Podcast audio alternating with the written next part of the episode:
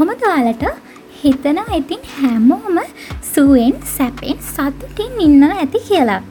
ඉතින් ඔන්න ක්ලබ් එකේ දෙවනි එපිසෝඩ් එක අරන් ආපු මම විරාජේ.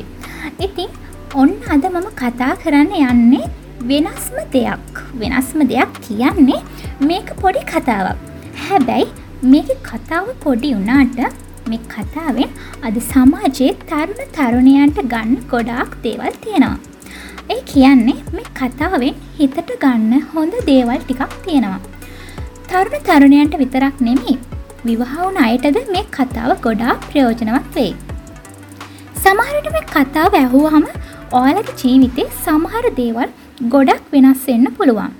මොකද අද සමාජයේ තරුණ තරුණියන් විවාහකුණ අය අතර ඇතිවන ප්‍රශ්න එක්ක මම අද කියන්න හදන කතාව අහලා ඔයාලගේ ජීවිතේ ඔයාලගේ ඒ කතාව විදිහට නම් හැසිරෙන්නේ ඔයාලට ඔයාලගේ ජීවිතේ වෙනසක් කරගන්න පුළුවන් වෙයි.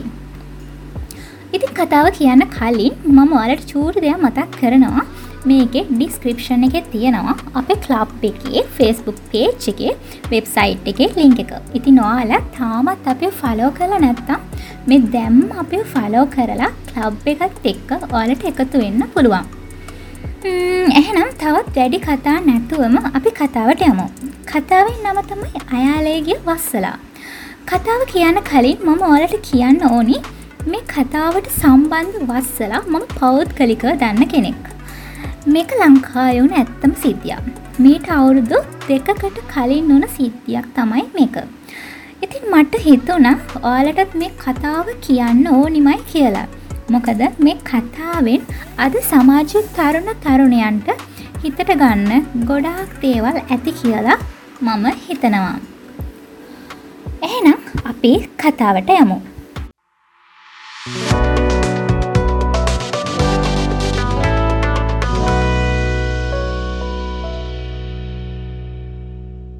මේ කතාව සිද්ධ වනේ දෙදස් දා නමය වර්ෂයේදී.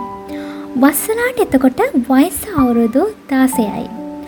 වස්සලාට හරියටම සාමාන්‍ය පෙළ විභාගයට කාලය තිබුණේ මාස තුනයි. එතකොට වස්සලාට ඉන්දිය වස්සලාට වඩා අවුරුදු තුනක්ම වැඩිමල් පෙම්වතෙක්. පෙම්වතා දසුන්.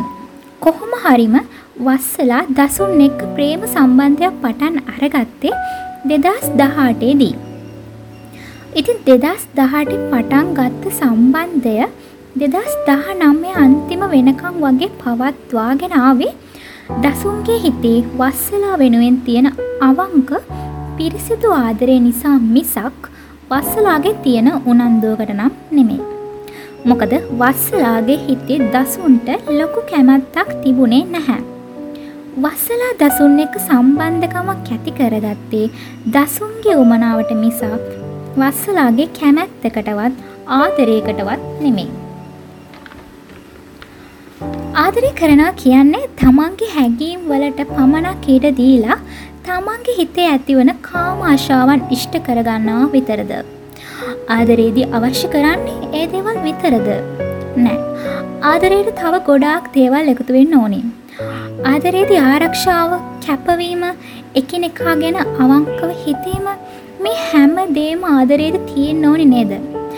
හැබැයි වස්සලාට එක් කිසිම දෙයක් වුවමනා කරේ නැහැ. වස්සලාට වුවමනා කරේ වෙන වෙන දේවල්. වස්සල වැඩිවයට පත් වනේ දෙදස් දා හතේදී. වස්සල වැඩිවයට පත් වෙලා කාලයක් යද්දි වස්සලාට ලොකු ආසාවක්කාවා පිරිමි උණුසුමකට ගුලිවෙන්න. අන්නේ ආසාාව සංසිදෝ ගන්නයි වස්සලා දසුන්ට කැමති වෙන්නේ. හැබැයි කවදාවත් දසුන් වස්සලා බලාපොරොත්තුන දෙයක් වස්සලාට ලබා දුන්නේ නැහැ. දසුන් වස්සලාට ආදරය කරේ අවංකවමයි. පිරිසිදු හිතකෙනුයි.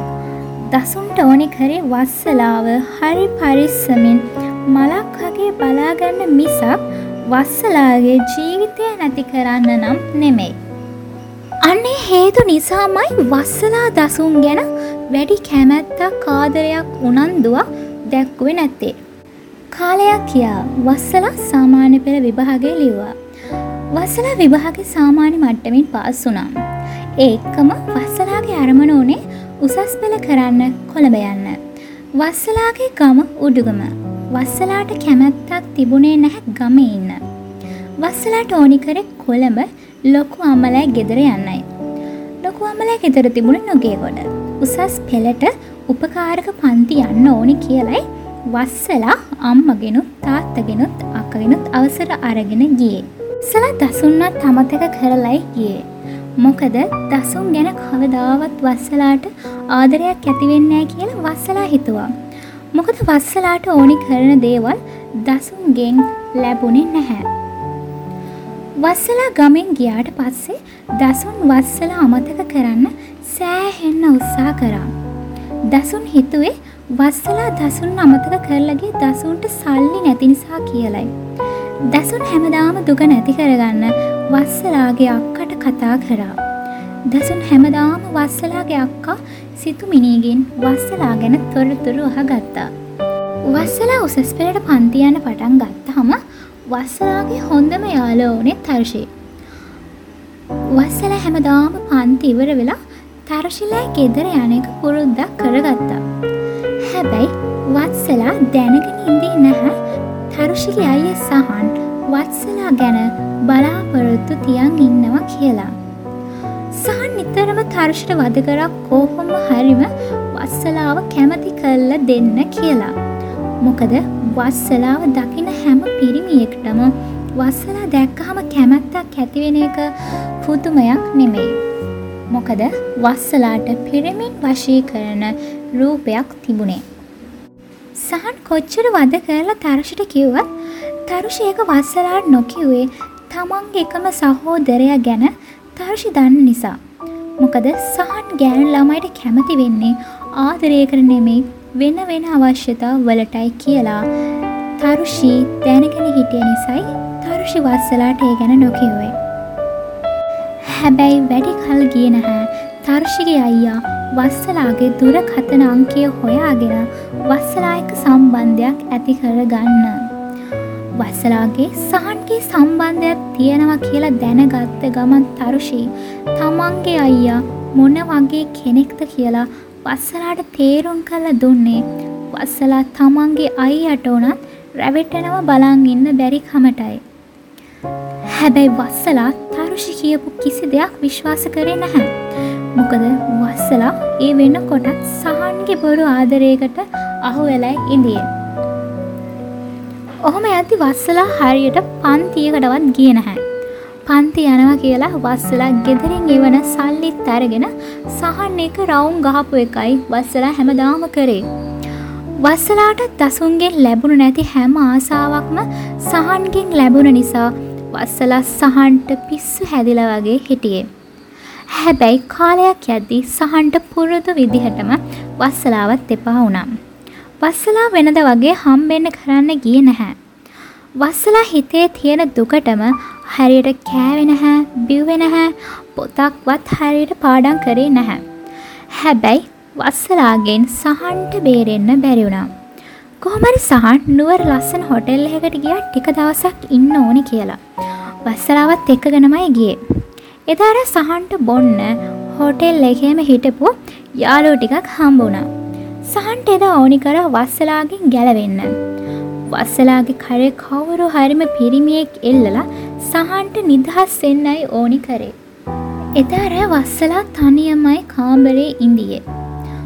සහන් වස්සලා තනියම කියලා දැන දැනම සහන් එක්ක එකටම බීලා මත්තුන යාළුව කසුන්න වස්සලාගේ කාමරයට යව්වේ වස්සලාගෙන් බේරෙන්න බැරි කමටයි.